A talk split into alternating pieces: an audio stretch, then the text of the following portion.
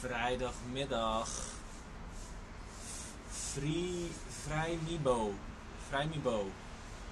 of zo. Vrijdagmiddagborrel is toch een ding. Ja, vrij Mibo met Frederik. is je boy hoor.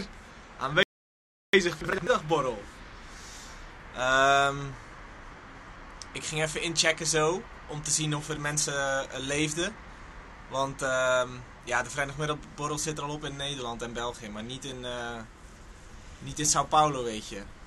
Maar ik wil even kijken of... eh, nu ben ik namelijk overdag. En dan zijn er nog mensen wakker. Dus ik wil even kijken of er eh, iets ging gebeuren. Nou, Frederik leeft dus. Ik zie dat er nog iemand is gejoind die ik niet ken.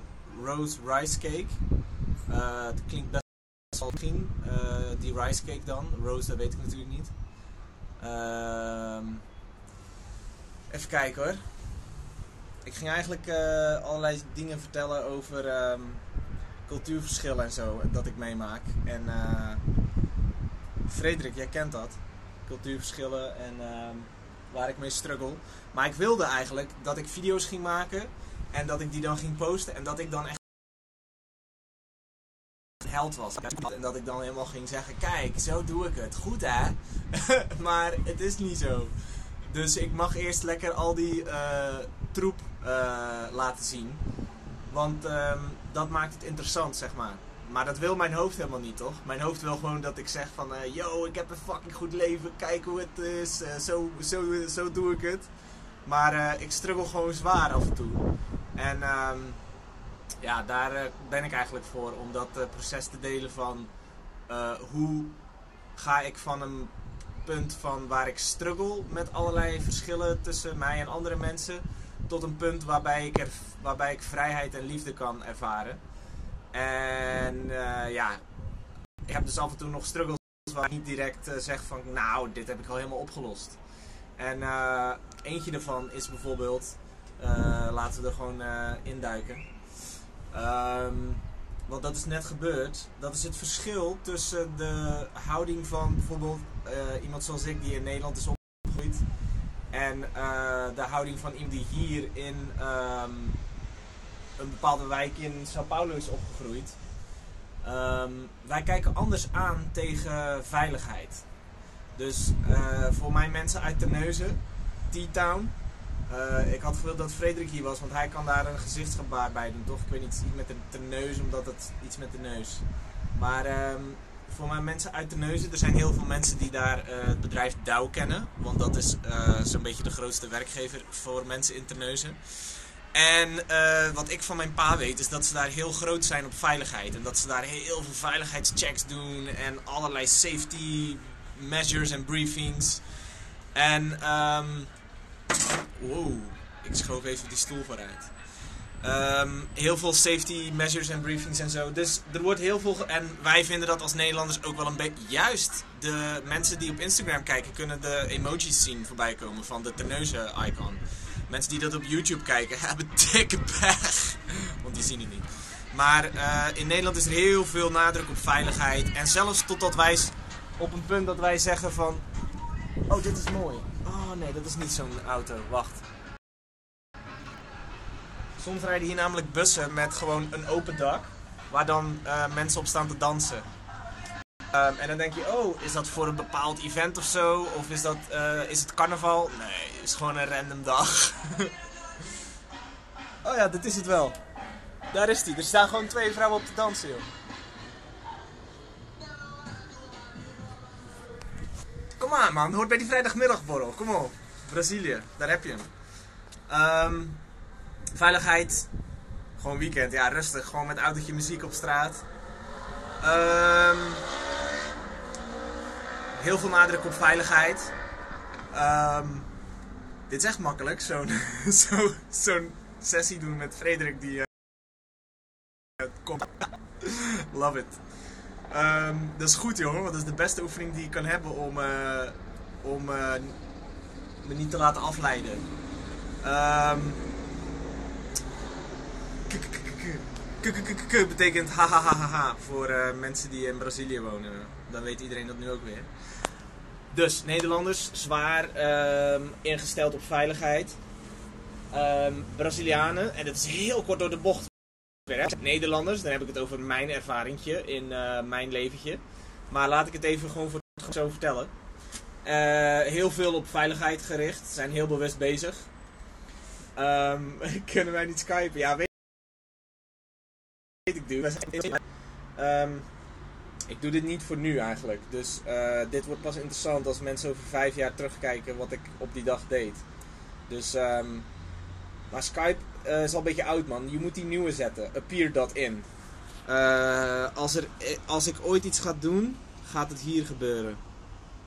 Nieuwe, ik ga het even in de comment achterlaten. Nieuwe online live video chat. Dat ga je doen. Punt slash slash appear.in. Boom. Heb je ook weer een online marketing tipje. Want als jij bijvoorbeeld met klanten wil bellen. En je zit vet te hustelen met, eh, met Skype. Moet je gewoon appear doen. Appear.in. Anyhoozels. Eh vet kort door de bocht. Maar ik ga het wel zeggen. Nederlanders zijn heel erg gericht en bewust op veiligheid. En Brazilianen veel minder. Dus waar komt dat in tot uiting en wanneer wordt het interessant voor mij, omdat ik daarmee struggle, is bijvoorbeeld als het gaat om eh, als je in de auto zit. Dus ik vind het op zich niet zo erg als mensen hier gewoon hun eigen keuzes maken. Ik doe altijd de gordel om in de auto. Eh gemiddelde Braziliaan niet. En ehm, hier ben ik raar, want dan zit je zeg maar zo en iedereen is zo, ah, leuk, en zit in de auto de muziek aan en lachen. En dan ik zo, gordel, klik, en dan, oh, wacht, hij zit niet lekker, ik moet hem nog een keer, klik, wil jij even opschrijven, ik moet even mijn gordel, klik. En dan ben je zo'n hele sta- stugge Hollander. En dan eh, ben ik hier zeg maar ehm, raar. Terwijl in Nederland, als je daar in de auto gaat en jij doet je gordel niet om, dan kijkt iedereen zo van, eh dude, doe wel even je gordel aan, want eh, dat is best wel normaal en dat is redelijk fijn. Als je ooit een ongeluk krijgt, ga je niet meteen dood, zeg maar. Ehm, maar goed, weet je, als mensen dat dan niet doen hier, dat is prima toch? Kan ik best wel mee leven. Ik doe gewoon zelf mijn eigen gordel. Maar het wordt interessant als ik. ehm, het wordt namelijk interessant als het eh, te maken heeft met Benjamin. Want je hebt, ik heb natuurlijk een bepaald verantwoordelijkheidsgevoel voor hem. Ja, echt joh? Ja, toch wel. Ehm, en de gewoontes van jezelf, die ga je ook doorgeven op kinderen. Dus de gewoontes die ik heb, die ik voor mezelf doe, die geef ik ook door aan Benjamin. En andersom dus ook. Dus mensen die in Brazilië wonen en die de gewoonte hebben om geen gordel aan te doen in een auto, die gaan er ook niet bij stilstaan dat een kind een gordel nodig heeft in de auto. Of een kinderzetje, zeg maar. Hier is het heel normaal dat kinderen gewoon eh, op schoot mee worden genomen en eh, of gewoon los in de auto gezet worden. En ehm, ja, dat eh, is best wel gevaarlijk, zeg maar, in het geval van een ongelukje. En ehm, het maakt niet uit of je de beste autobestuurder bent, maar andere mensen kunnen eh, slechtere autobestuurders zijn. En dan eh, kan jij de allerbeste zijn, maar die gaat nog tegen je oprijden, bijvoorbeeld. Dus dat is relaxed om daar gewoon een soort ehm, veiligheidsmaatregel tegen te nemen. Nou, die hebben we. Kinderstoeltjes en eh, andere handige dingen. Maar een gemiddeld Braziliaan die heeft dat dus niet in zijn kop zitten om dat te doen. Dus dat is ook niet dat die bijvoorbeeld ergens naartoe gaan dan met de auto en die dan even wachten en dan denken van oh, zal ik autostoets doen? Ah nee joh, fuck it. Heb ik geen zin in. Nee, nee, dat is gewoon automatisch, zeg maar hè. Dat, dat is ook niet, ik, ik, ik, noem ik vind hun dus ook niet eh, heel stom. Het is gewoon ehm, heel normaal. Ik bedoel, net als dat wij niet echt erover nadenken om onze gordel aan te gaan doen. Wij gaan echt niet elke keer als in de auto stappen denken van... Oh, zal ik eh, deze keer een gordel eh, aandoen? Eh, ja. Nou, dat doe je gewoon. En dus eh, evenzo doen zij dat niet, zeg maar. Ehm, dus, maar dat komt gewoon neer op een stukje gewoonte. Weet je wel? Dat is gewoon een gewoonte. En hoe creëer je een gewoonte? Nou, eerst moet je weten dat het iets belangrijk genoeg is om er een gewoonte van te maken. En blijkbaar dringt dat niet zo door. Nu kan ik dat wel helemaal gaan da- dood analyseren. Door heb ik natuurlijk al gedaan hè, in mezelf. Van, ehm, mensen leven hier veel meer dag tot dag. En in Nederland plannen we alles vooruit en kijken we heel ver naar de toekomst. Dus wij zijn veel meer toekomstgeoriënteerd. Dus wij zijn ook in veiligheidsdingen veel meer toekomstgeoriënteerd. Zo van als wij nu iets kunnen doen, zelfs als dat super irritant is, om elke dag 15 minuten uit te trekken voor een safety measure. Dus nog een keer mensen die op eh, fabriek eh, werken, die kennen dat. Dan moet, elke dag moet je zo'n hele check doen. Nou, in de auto gaat het wat sneller. Doe je gewoon e- elke dag de gordel om. Om te voorkomen dat er ooit in de toekomst, hè, één keer in de 10.000 autoritten, dat je een ongeluk krijgt, dat jij niet de, auto uitgestuiterd wordt. Hier eh, zijn mensen helemaal niet bezig met 10.000 dagen vooruit. En waarom ik dat nu ook veel beter kan begrijpen, omdat ik er nu heel lang leef en ook geen eh, grote veroordeling of zo meer bij heb, is omdat het ook gewoon. Het is ook niet te doen om hier heel ver vooruit te denken voor de gemiddelde Braziliaan. Want als jij gewoon eh, elke dag niet weet of jij geld hebt om avondeten te kopen, waarom ga je je dan bezighouden met gevaren die eens in de 10.000 dagen kunnen voorkomen? Laat je eerst even bezighouden met gevaren die vandaag kunnen voorkomen. Namelijk, ik kan geen fucking eten vanavond betalen. Dus dat is ehm, de realiteit van eh, heel veel mensen hier. En de realiteit van het grootste aantal mensen creëert de, de cultuur, creëert de gewoontes. En dat creëert zeg maar het algemene bewustzijn van de, van de gemiddelde persoon. Tool om culturen te vergelijken. Oh, sick. Daar is gewoon een tool voor. Nou, geniaal. Uh, dat zegt Frederik trouwens in de comments op Instagram. Voor iemand die nu later kijkt. Uh, als ik een editor heb later, dan zeg ik... Doe eens plink, hier een linkje. Want het is namelijk geert-hofstede.com slash brazil.html uh, Of in het Nederlands... geert-hofstede.com schuine streep brazil.html uh, dat was een motor die even langs reed. Maar um, juist, dus de cultuur wordt, uh, wordt gemaakt door um, ja, zeg maar de realiteit van de gemiddelde mens. En de realiteit van de gemiddelde mens hier is dat ze gewoon elke dag bezig zijn met de zorgen van elke dag. Want um, er is geen vast salaris wat een huur kan betalen voor een uh, fatsoenlijke plek.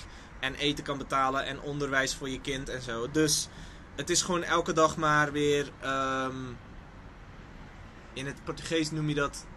Severa. Dat is. Uh, regel het maar of zo, weet je wel? Regel het maar. Um, zo, dat is een beetje de, de, de, de houding. En dit is ook schitterend, want hierdoor hebben ze ook zo'n mooie houding van.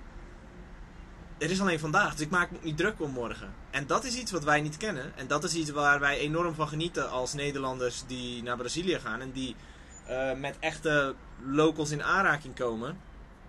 Dat is namelijk die, uh, dat gevoel van wauw, die zijn echt gewoon gelukkig, maar ze hebben helemaal niet zo'n mooi huis als ik heb. Of ze hebben helemaal geen auto. Of ze hebben helemaal niet zo'n duur horloge. En uh, dat is maag, dat is iets maar, dat moet je ervaren. Daar ga ik niet te veel over praten, maar goed, dat, dat moet je ervaren. Uh, maar keerzijde daarvan is dus, met het dagleven betekent ook dat je je op andere manieren veel minder zorgen maakt om het leven. En dus ook over veiligheid. En dat is voor deze Hollander heel moeilijk. Want ik doe dat wel. Dus als we dan even helemaal teruggaan naar het uh, punt van het verhaal wat ik hier ging maken. Namelijk over cultuurverschil tussen, uh, in dit geval gaat het over mijn, uh, dus dan hebben we het over schoonmoeder. Dus de oma van Benjamin, van de Braziliaanse kant. Um, die zijn niet zo bezig met uh, veiligheid in de auto. En die nemen Benjamin gerust mee in de auto op schoot of wat dan ook. Nu is dat nog maar twee keer gebeurd. En de eerste keer was ik, ehm, wil ik heel stoer zeggen, was ik helemaal geflipt. Helemaal niet, hè. Ben ik gewoon als hele, um, als hele onzekere boy helemaal stil geworden. En dan in mezelf helemaal flippen. Maar dan niet echt iets ervan durven zeggen. Of niet op een manier die echt werkt of constructief is. Dus... Uh, dat is ook deel van het proces. Want uh, als je zelf uh, een rustig persoon bent en niet zo snel ruzie maakt, dan kan je ook wel eens jezelf verliezen in het behouden van de vrede. En dat is een valkuil. Dit ga ik als comment doen. Altijd behouden van de vrede kan een valkuil zijn. Hup. Dus ik heb dat als valkuil. Ik, wil, ik wilde altijd de vrede behouden. En ik denk dat een, um, een houding die beter past, die mij meer dient in het uh, leven van een vrij en liefdevol leven, is eigenlijk dat ik. Um, soms is. oh, sloeg mijn stem nou over? soms is ferme actie. Is dat, een, is dat een zin? Firm action. Soms is ferme actie nodig om een, uh, om, een, om de vrede te behouden. En dat is dan belangrijker dan alleen eh, de vrede van het moment te behouden, zeg maar. En ehm, dat is iets wat mij veel meer helpt dan alleen maar proberen de, de oppervlakkige vrede te houden van het moment. En daarmee bedoel je geen, ehm, geen stemverheffing in gesprekken tegen elkaar. Op het moment dat je elkaar ziet. Dan, dan hou je de vrede. Maar ik ben aan het eh, leren dat het kan om eh, je stem te verheffen en dat vanuit liefde te doen. En daarmee niet per se iemand uh, pijn willen doen. Maar wat daarvoor nodig is, is dat, heb ik gemerkt, is op het moment dat er een emotie opkomt, is even ruimte creëren tussen, um, tussen die emotie en de vraag stellen: hoe wil ik hier. Hoe wil ik, wie wil ik in deze situatie zijn? In plaats van daarop te reageren, hoe wil ik in deze situatie uh, reageren? En puur door die vraag te stellen, kan, je, kan ik uh, net even genoeg tijd hebben om um, niet vanuit die woede of um, uh, irritatie te reageren. Dus dan ga ik het hebben over die situatie. Dus als ik merk van. Um, oh jee, ze nemen Benjamin mee in de auto. Dit is net gebeurd, let op. Uh, vanmiddag kwam ik erachter dat uh, Gabrielle, dat is Thaïsi's dochter, die is 13, of nee, die is 14. En die gaat heel vaak ook naar het huis van oma. En die is laatst, die is gisteren teruggekomen vandaan met Benjamin in de auto. En ik heb sinds kort heb ik een, dat heet een Ride Saver vest voor kinderen. Um, dat is eigenlijk een, een soort vest wat ook uh, stewards aan hebben in een vliegtuig. En wat dat ding doet is die houdt de gordel van de auto houdt die op een goede plek zodat het kind veilig blijft. Um, en dus die, uh, die heb ik en, en, die gebruikt Benjamin nu, waardoor we geen autostoeltje meer nodig hebben. Wat vet relaxed is, want het is heel irritant om heel dat een autostoeltje mee te moeten nemen.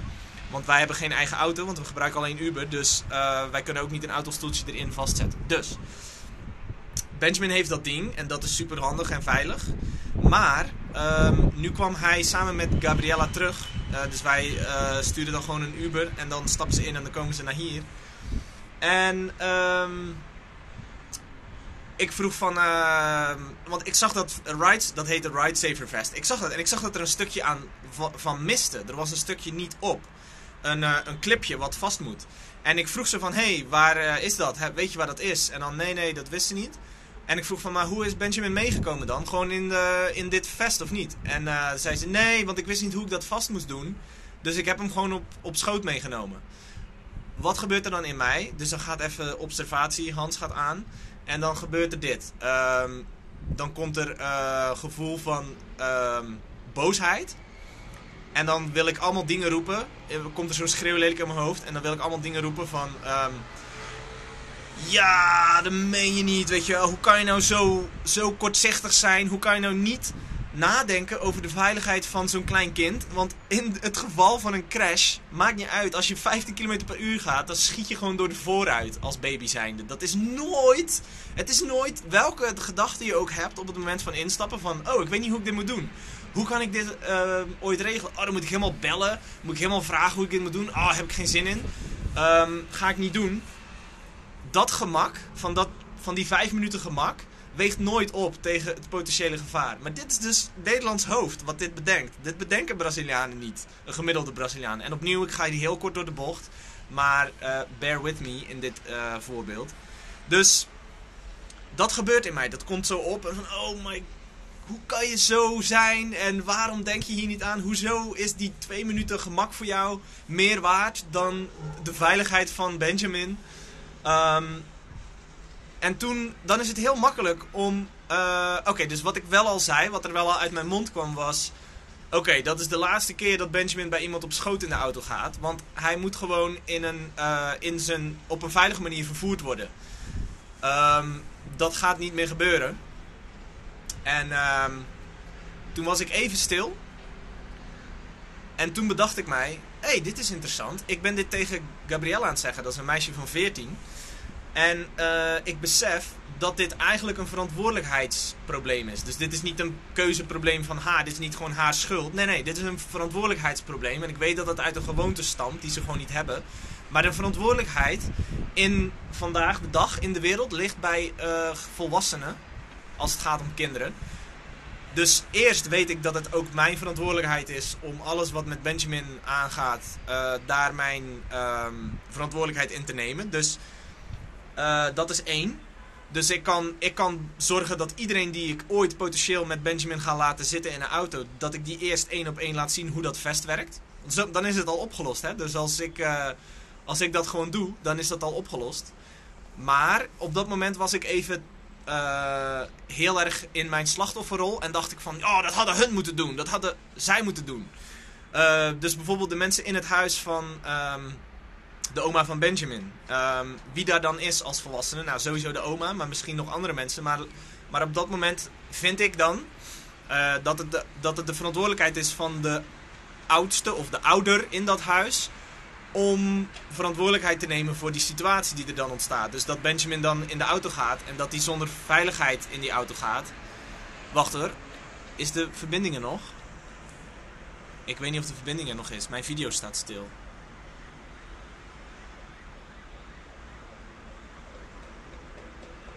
Is er nog live verbinding? Hij valt weg hier. Hier, haha. um, hoor je nog iets?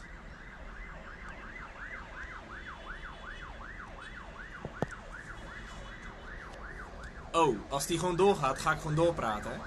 Zeg even als je mij nog ziet en hoort, want dan kan ik gewoon doorgaan. Dan is het gewoon alleen mijn scherm die vaststaat.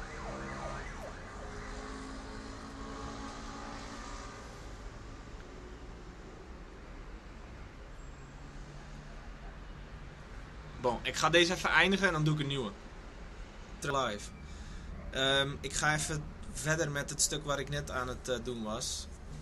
Um, ik had het namelijk over um, dat ik. even kijken of er nog iemand binnenkomt. Want zo net was Frederik uh, mij aan het helpen om te laten zien of het toch live was of niet. Maar goed, ik ga even verder dan met het verhaal. Ik zal dit aan elkaar knippen en plakken als ik het post op YouTube of zo. Maar dan knip ik dit er gewoon uit. Haha. Um, juist. Dus, wat gebeurde in mij? Ik vond dan even in mijn slachtofferrol van... Oh, dat is hun verantwoordelijkheid en ik ben hier nu het slachtoffer. Het is, dit overkomt mij. Nee, ik weet ten eerste...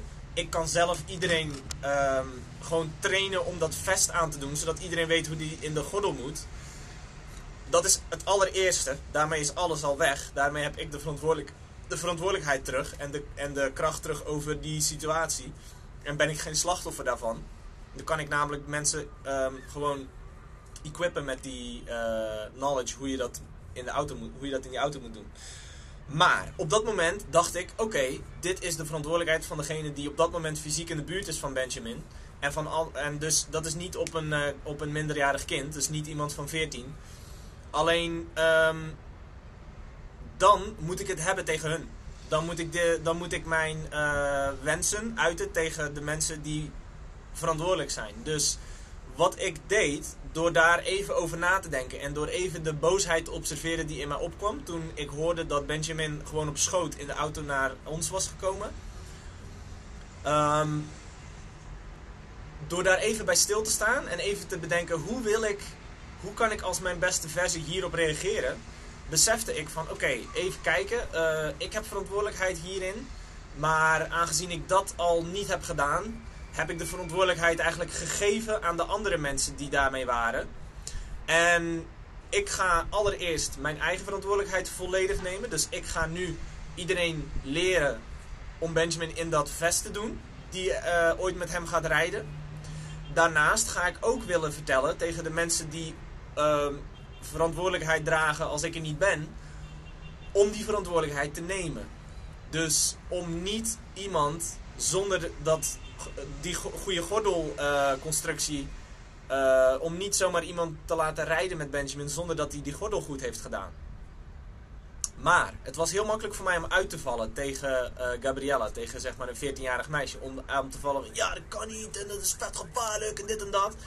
Maar juist door even te stoppen en juist door even uh, na te denken, um, kwam ik tot de, tot de handeling. Omdat dat veel meer helpt bij ehm, het leven wat ik wil leiden en het leven wat ik wil vormgeven, namelijk een vrije en liefdevol leven. Door even bij stil te staan, ehm, liep ik de kamer in waar Gabriella was. En ehm, ja, hoe noem je dat? Het is niet echt een knuffel geven, maar wel even over de arm aaien. En zei ik: Hé, hey, luister. ehm, ik ben een beetje boos omdat ik ehm, het heel gevaarlijk vind. Maar dit is niet jouw verantwoordelijkheid geweest. Dus dit zeg ik eigenlijk niet tegen jou. Ehm, er, moet een, er moet een volwassene zijn die, eh, die jou dat leert. En die, die daar verantwoordelijkheid voor neemt. Dus wat ik heb gezegd is, eh, is bedoeld voor hun. En eh, dat ga ik ook tegen hun vertellen. Dus jij hebt niks fout gedaan. En dat verandert eh, heel erg de ervaring voor eh, degene die die feedback ontvangt. Dus in dit geval voor Gabriella.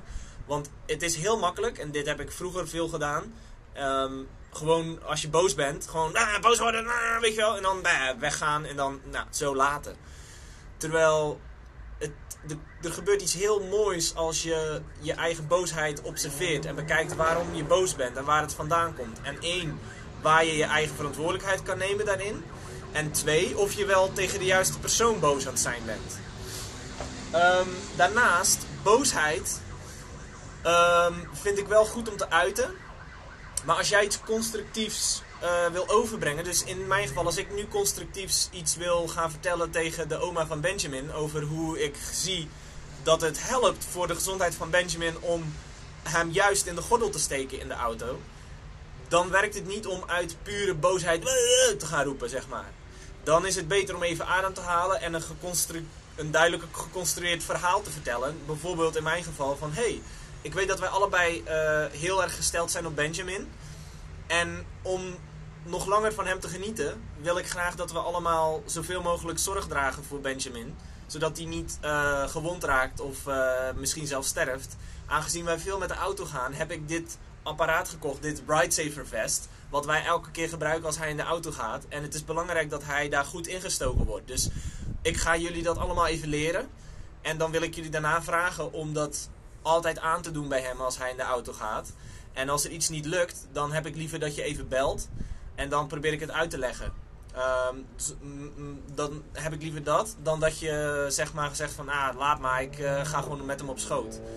Uh, dat zou ik heel fijn vinden. En dat is heel belangrijk voor de gezondheid van Benjamin. Want je kan heel makkelijk sterven bij een heel simpel auto-ongeluk. Je kan Benjamin al uh, door de ruit vliegen en gewoon er niet meer zijn. En dat willen we allebei niet.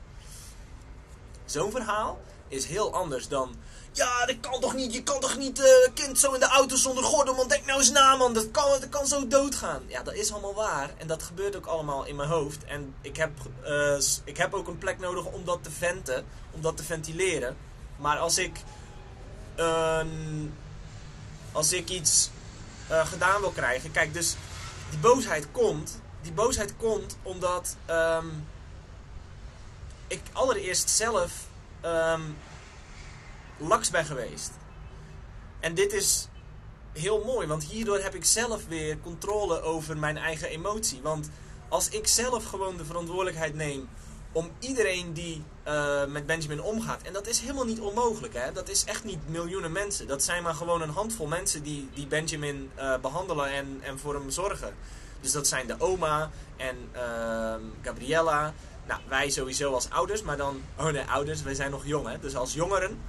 Um, en dan eventueel nog een, een, een tante, een oom en een neef en een nicht. Maar dat zijn maximaal acht mensen of zo.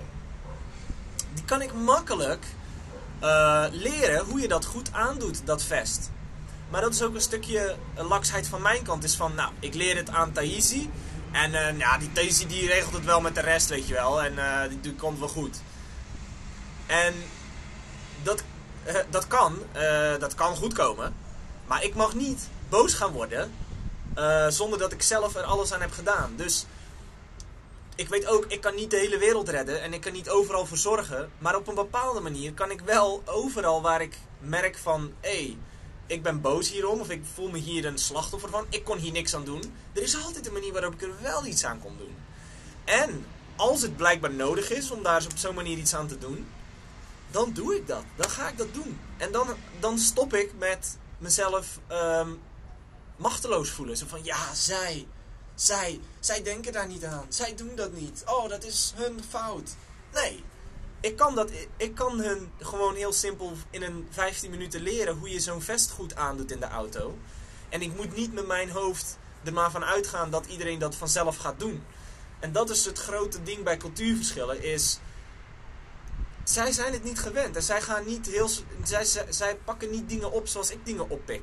En zij, zij zien niet uh, de, manier, de dingen zoals ik ze zie. Dus ik kan dan heel, uh, heel erg slachtofferig gaan denken van ja, zij doen het helemaal zo. Zij denken er niet over na. Dan moet ik het helemaal gaan oplossen. Nee, ik zie het nu gewoon als een manier waarop ik um, hun iets kan bijbrengen over iets nieuws en gecompliceerds. Namelijk zo'n heel ride saver vest is een heel gecompliceerd iets. Maar ik kan hun daar iets in bijbrengen. En luister, als, het, als ze het bullshit vinden, dan is het dus tijd, en hier is het andere puntje, dan is het wel tijd voor iets wat ik nu probeer te noemen ferme actie. Ik weet niet uh, of dat bestaat in het Nederlands, firm action of zo. Dus ik ben heel erg van de, uh, de vrede bewaren. Maar soms moet je iets zijn wat je niet bent om te kunnen zijn wat je echt bent.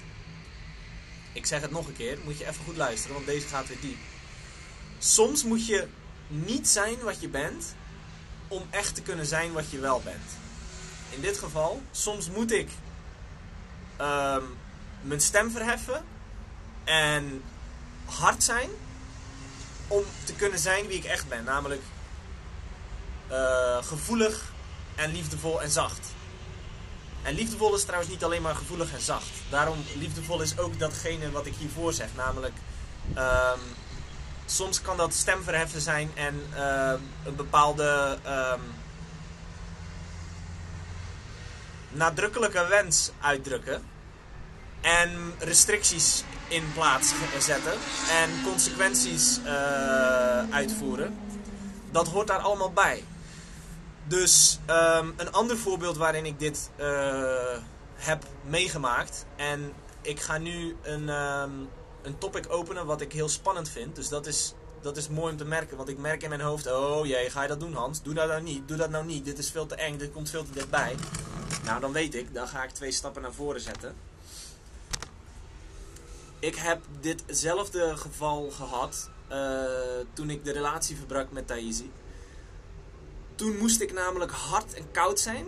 Want dat ben ik helemaal niet. Ik ben geen harde en koude man van natuur. Van, van wie ik ben is niet koud en hard. Maar ik moet wel eens koud en hard zijn om echt te kunnen zijn wie ik ben. Namelijk liefdevol en warm. Want hoe was dat in het geval met Daisy? Ik heb toen de relatie verbroken. En dat, moest, dat, dat gebeurt op een koude en harde manier. Namelijk, dat is een gesprek. Net als de telefoon die nu valt dat is ook best wel koud en hard. Vis jullie even op hoor, want het, je hangt aan een, uh, aan een oplader. Maar dus, hoe was dat? Dat is namelijk een koud gesprek. Namelijk, hey, um, hoe ging dat? Wij hebben namelijk een constructie waarin je um, van elkaar houdt of niet van elkaar houdt. Als je van elkaar houdt, dan ben je in een relatie, dan woon je bij elkaar en dan doe je alles met elkaar. Als je niet van elkaar houdt, dan uh, nou, ga je sowieso niet meer bij elkaar wonen. Dan hou je ook niet meer van, zeg je ook niet meer dat je van elkaar houdt. Raak je elkaar het liefst ook niet meer echt aan. En uh, vaak heb je bijna ook wel meer een soort van ruzie of ontwijk je elkaar. Dat zijn een beetje de twee mogelijkheden van uh, relaties die er zijn. Ik geloof dat het erg simpel bedacht is, dat systeem. En uh, dat helpt ons niet in de evolutie van, uh, van ons mens zijn om in die twee kaders te denken als het gaat om uh, liefdesrelaties. Maar ik besefte dat. En ik weet dat ik van Thaisi hou. Maar ik kan niet 24-7 uh, eh, samenwonen en alles samen doen. Um, wij zijn heel verschillend. Um, en op dat moment was er, was, waren die verschillen heel erg merkbaar. Uh, ik leefde mijn leven op mijn manier en zij leefde haar leven op haar manier. Met allerlei gewoontes en gebruiken die daarbij komen.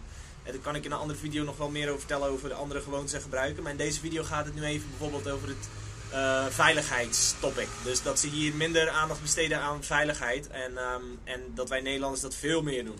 Nu, wat ik wilde zijn, wat ik ben, is liefde en warmte en zorg. Maar dat kon ik niet zijn in de relatie. Waarin, ik vier, waarin wij zeg maar 24-7 op elkaar eh, op elkaars lip zaten en bij elkaar woonden en van elkaar waren. Daar kon ik niet warm en liefdevol en zorg, zorgdragend zijn uh, heel de tijd. Waarom niet? Omdat ehm, te veel frictie in, in je gewoontes of in bepaalde mindset over idee zorgt ervoor dat je gaat botsen. En als je dat te veel hebt en je hebt geen ruimte om te recupereren, dan um, is het dan ga ik te snel uit irritatie reageren. En kan ik dus niet meer, wat ik hiervoor heb uitgelegd, kan ik niet meer even die vraag stellen aan mezelf van hoe wil ik hier als mijn beste versie in reageren. Dan is het gewoon reageren vanuit die emotie. En dat helpt niet bij uh, het leven wat ik wil leiden. Dat doet er juist af. En om dat niet meer te gaan doen, moet ik, moest ik uit die vorm van de relatie.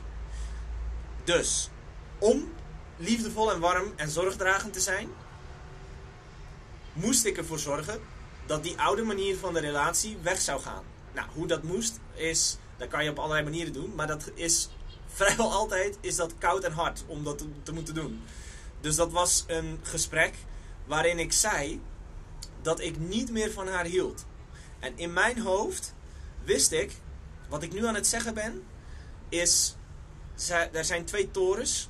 Uh, je houdt, ik hou, hij houdt van mij en uh, wij zijn bij elkaar. En wij horen bij elkaar, we hebben een relatie. Hij houdt niet van mij. En wij hebben geen relatie meer. Dat zijn de twee opties waarin we leven. Ik weet, en ik wist, ik wist en ik weet. Zo simpel en zo uh, zwart en wit is het niet.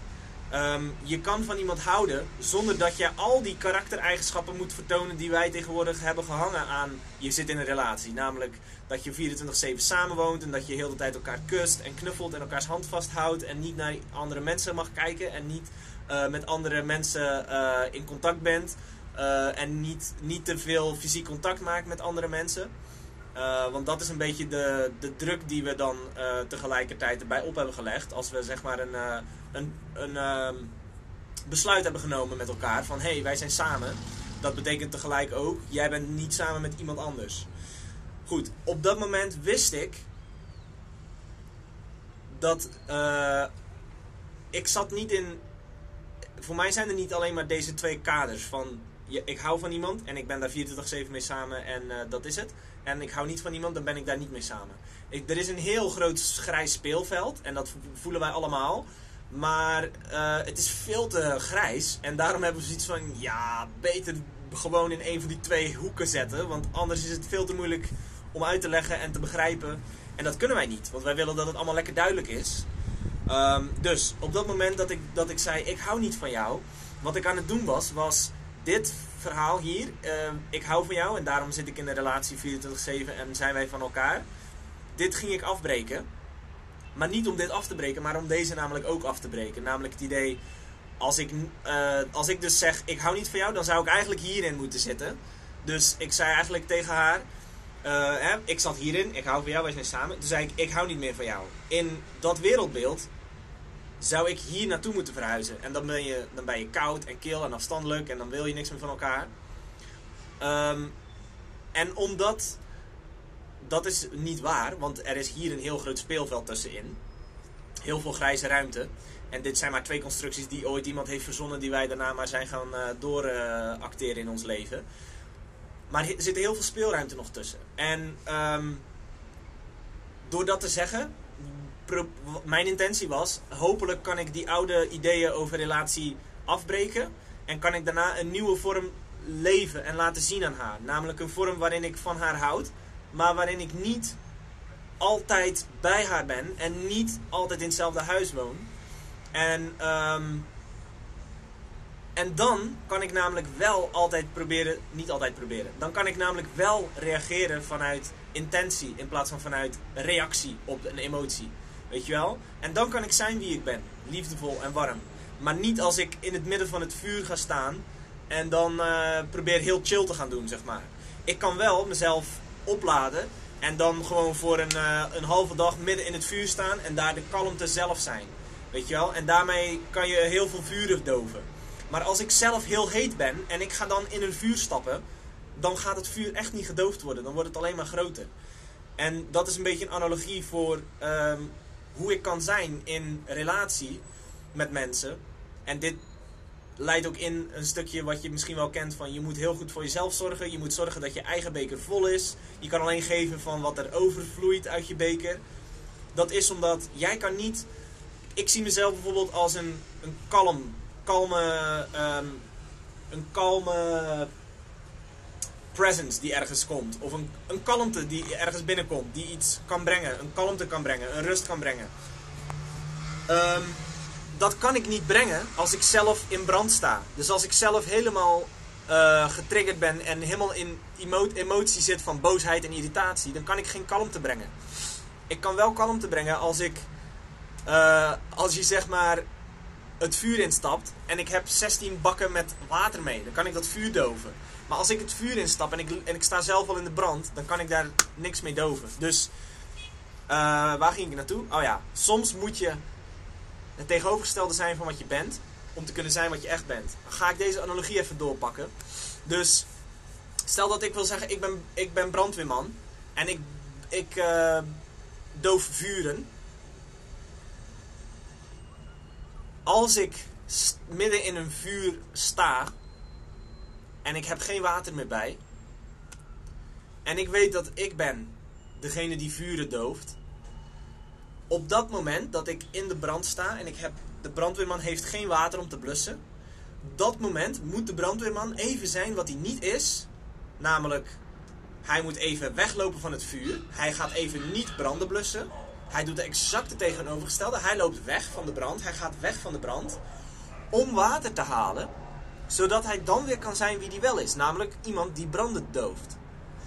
Snap je? En um, daarom moet je soms zijn wat je niet bent om te kunnen zijn wat je wel bent. En dat is een soort golfbeweging, heel de tijd. Je moet, je moet af en toe het tegenovergestelde zijn om te kunnen zijn wat je wel bent. Dus degene die zegt, ik ben iemand die uh, vuurtjes dooft, die zal af en toe weg moeten rennen van vuren. Want die moet eerst water halen. En dan kan hij terugkomen en dan kan die vuurtjes doven. Snap je?